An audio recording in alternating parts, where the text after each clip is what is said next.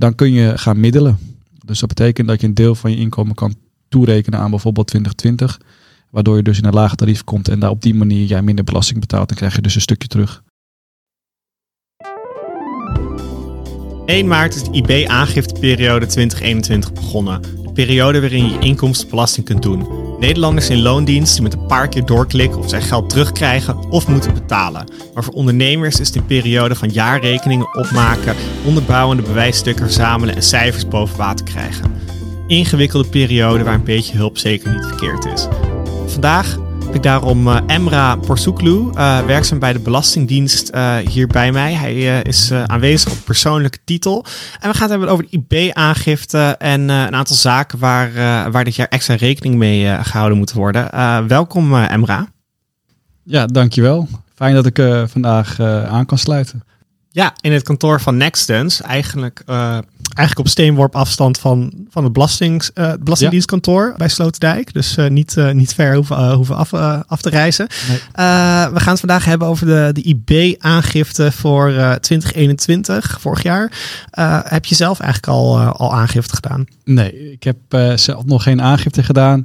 Um, ja, ik verwacht dat binnen nu een twee, drie of drie weken ongeveer te zullen gaan doen.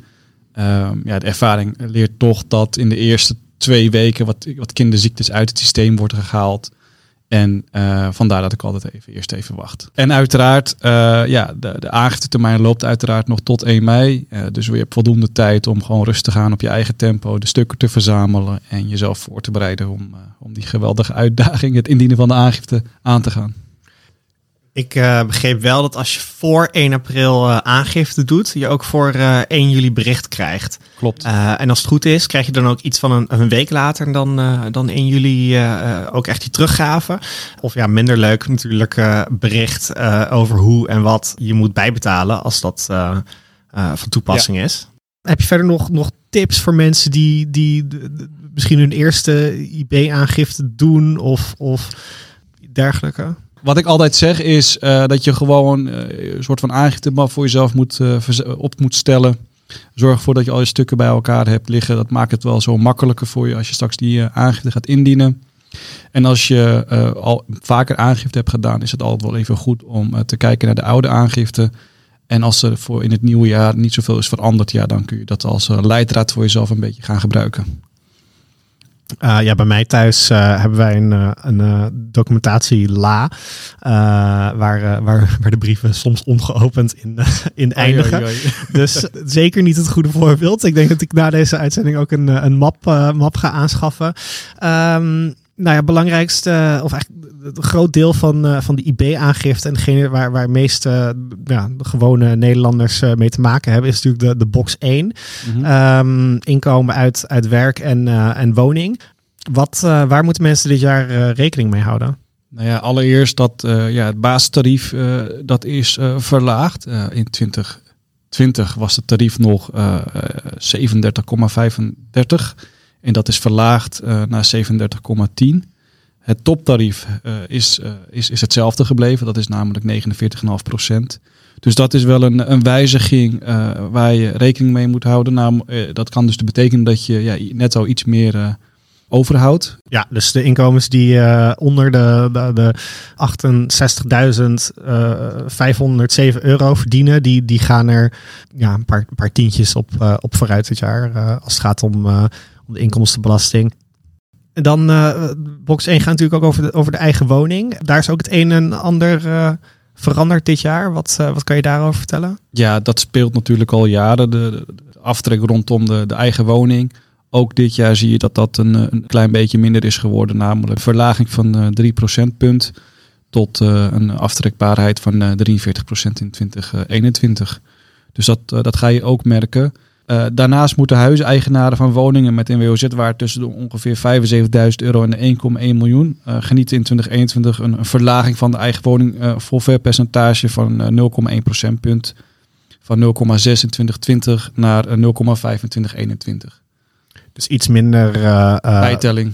Bijtelling op, op, op het hebben van, van een huis ja. tot nou ja, een miljoen. En wie, wie in Nederland een huis van 75.000 euro heeft tegenwoordig uh, uh, goed gedaan, zou ik ja, zeggen. Ja, ja.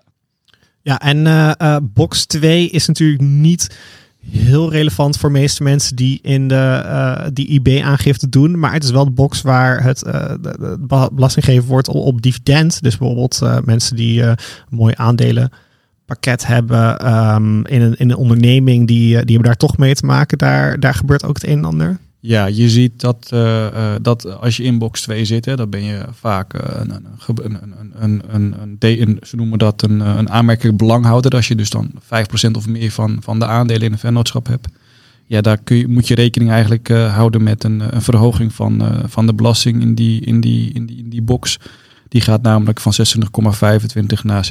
Dus dat is de wijziging voor, voor box 2 voor, voor het jaar 2021. Dus uh, een, klein, uh, een klein plusje, plusje erbij. Die gaan iets meer betalen. Ja. Verder uh, was er de laatste tijd over box 3 natuurlijk. we gaan ze gewoon één voor één af. Veel opspraak door een, door een arrest van, van de Hoge Raad. Wat is daar precies aan de hand? Ja, in een, in een, in een, in een korte samenvatting is in 24, op 24 december 2021 een, een arrest geweest door de Hoge Raad waarin is geconcludeerd dat de heffing vanaf 2017 een strijd is met het Europese recht en dat kan in, in voorkomende situaties leiden tot uh, ja, een soort van sluipende onteigening, zoals ze dat uh, wel eens noemen. Ja, en dat moet uh, ja, gecorrigeerd worden. er wordt wel gezegd, doe, doe gewoon, je moet eigenlijk gewoon aangifte doen zoals je dat altijd deed. En daarna gaat het kabinet kijken hoe ze daar ja, met dat arrest rekening gaan houden. Daar is nu op dit moment nog geen, geen duidelijkheid over. Dus uh, de, de, de kern van de boodschap is uh, gewoon uh, zoals, zoals altijd je aangifte indienen ja. als het gaat om box 3. Ja. Ja, dus gewoon aangifte doen dit jaar, zoals normaal voor box 3. zijn er dan nog zaken waar, waar, waar, waar, rekening mee gehouden moet worden dit jaar? Ja, in box 3 zie je dat de heffingsvrij vermogen is, is, is verhoogd van, van 30.000 ongeveer naar, naar 50.000 euro. Dat is dan per persoon. Dus als je met z'n tweeën bent, betekent dat dus dat je een heffingsvrij vermogen in box 3 van 100.000 eh, euro hebt. hebt. Dus dat is, uh, dat, is, uh, dat is fijn.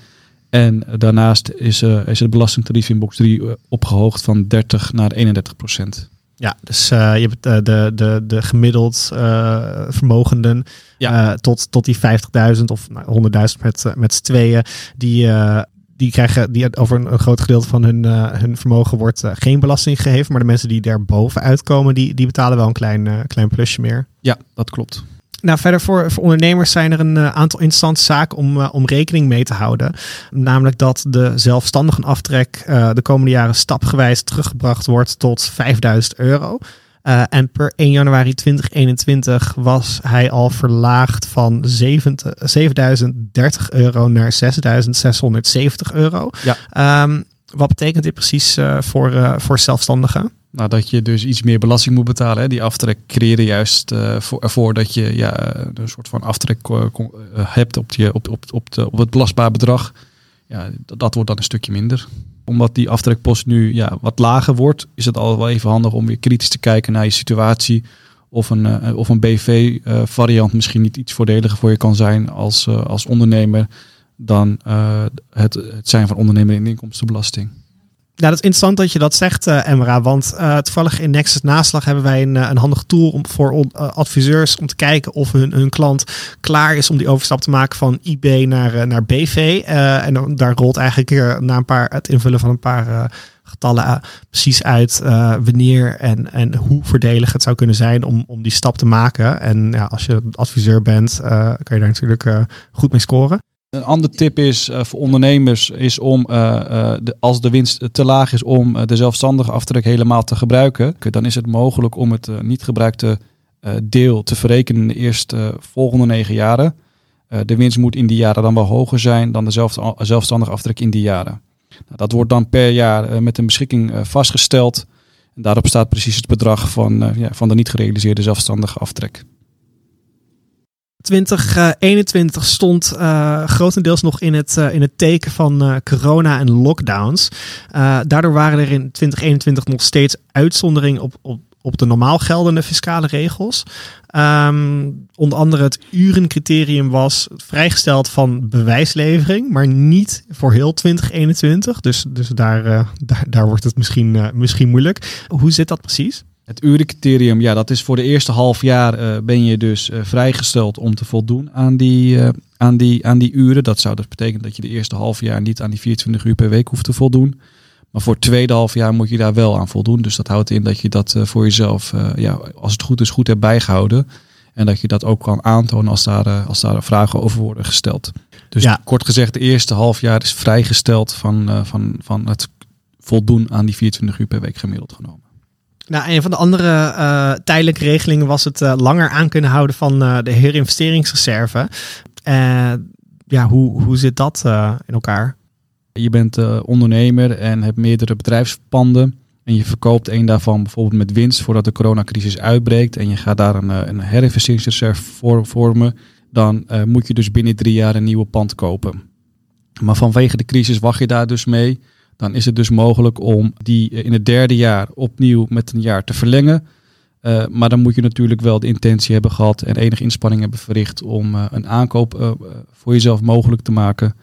En dus dan kun je die, die reserve zonder dat die in, in jaar drie, vijf, jaar drie vrij valt met een jaar verlengen. Dus dan zou je, als je in uh, 2018 je pand hebt verkocht, dan, dan hoef je hem niet dit jaar uh, te huur investeren. Uh, kan het ook dus in 2022 nog. Ja. Zo'n jaartje extra, dat is, dat is mooi meegenomen. Ja. Als laatste, en dit kan, dit kan eigenlijk altijd, maar en niet alleen tijdens corona, is er, is er het middelen. Ja. Um, wat is het middelen precies? Nou, middel is eigenlijk gewoon dat je de, de, inkomen van eh, de, de, afgelopen drie jaar bij elkaar optelt en deelt door drie. Om te kijken of je wellicht daardoor in een uh, lagere tarief komt. Kan zijn dat je bijvoorbeeld in 2019 een, fantastisch jaar hebt gehad. Goed inkomen hebt genoten en dat dat in 2020 helemaal in, in, elkaar is gestort. Uh, dan kun je gaan middelen. Dus dat betekent dat je een deel van je inkomen kan toerekenen aan bijvoorbeeld 2020 Waardoor je dus in een lager tarief komt en daar op die manier jij minder belasting betaalt. Dan krijg je dus een stukje terug. En dat, is dat vooral voordelig voor mensen die, die al in, een, in, in het hogere tarief vallen? Dus als je onder die, die, die bijna 70.000 euro uh, verdient voor, de, voor de, de gewone belastingschijf, maar in die, die hogere zit, dan, dan is het mogelijk wel, uh, wel interessant. Ja, bijvoorbeeld als jij, uh, stel je maakt promotie, hè, dat je opeens fors meer gaat verdienen. En dan kan het interessant zijn om te kijken of je in die eerdere jaren uh, nog wat ruimte had om een deel van je, uh, je hogere inkomen kan toerekenen aan die eerdere jaren, zodat je net iets on, net, net onder die uh, hogere tarief komt te vallen. Ik, ik begrijp hieruit dat je dus ook eigenlijk kunt middelen als je, als je geen ondernemer bent. het is eigenlijk voor, voor iedereen die een die, die IB-aangifte doet. Nou, dat is op zich wel goed dat je dat zegt. Dus als je nou student bent bijvoorbeeld en je, gaat in, in je, je, bent net afgestudeerd en je gaat, je gaat ergens werken. Ja, dan kan het lonen om terug, te, terug te kijken naar die eerdere jaren, omdat je daar niet heel veel verdiend hebt.